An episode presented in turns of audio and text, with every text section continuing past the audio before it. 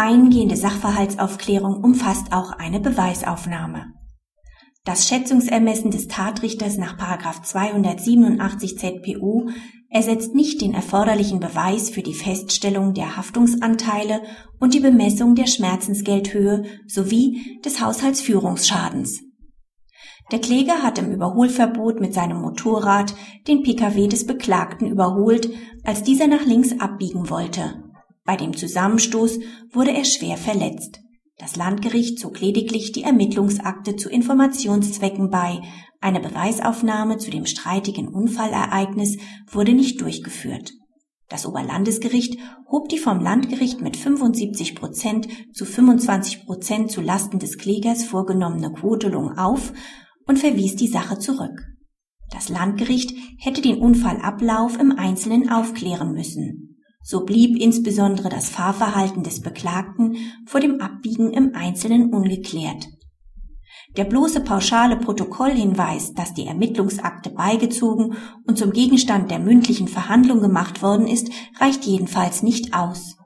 Auch waren die Verletzungsfolgen streitig, so dass zwingend auch für die Höhe des Schmerzensgeldes eine Beweisaufnahme hätte durchgeführt werden müssen.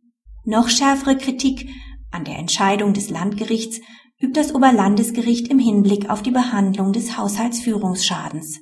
Zwar ist der Tatrichter nach 287 ZPU in seiner Beweiserhebung zu dem zu gewinnenden Überzeugungsgrad gegenüber 286 ZPU freier gestellt, aber auch in 287 ZPU entbindet nicht vollständig von der grundsätzlichen Beweislastverteilung, insbesondere wenn nach den festgestellten Einzeltatsachen alles offen bleibt. Praxishinweis. Es ist zwar richtig und entspricht auch der Rechtsprechungslinie des BGH, dass der Tatrichter im Rahmen des Paragraphen 287 ZBU besonders freigestellt ist. Allerdings hat auch dies seine Grenzen, die das Landgericht weit überschritten hat. Die erforderlichen Beweise sind zu erheben, insbesondere wird die Beweisaufnahme nicht durch eine unzulässige, vorweggenommene Beweiswürdigung ersetzt. Dies ist auch die Auffassung des Oberlandesgerichts, die sogar die Höchststrafe für das angegriffene Urteil, die Gerichtskosten nach 21 Absatz 1 Satz 1 GKG niedergeschlagen hat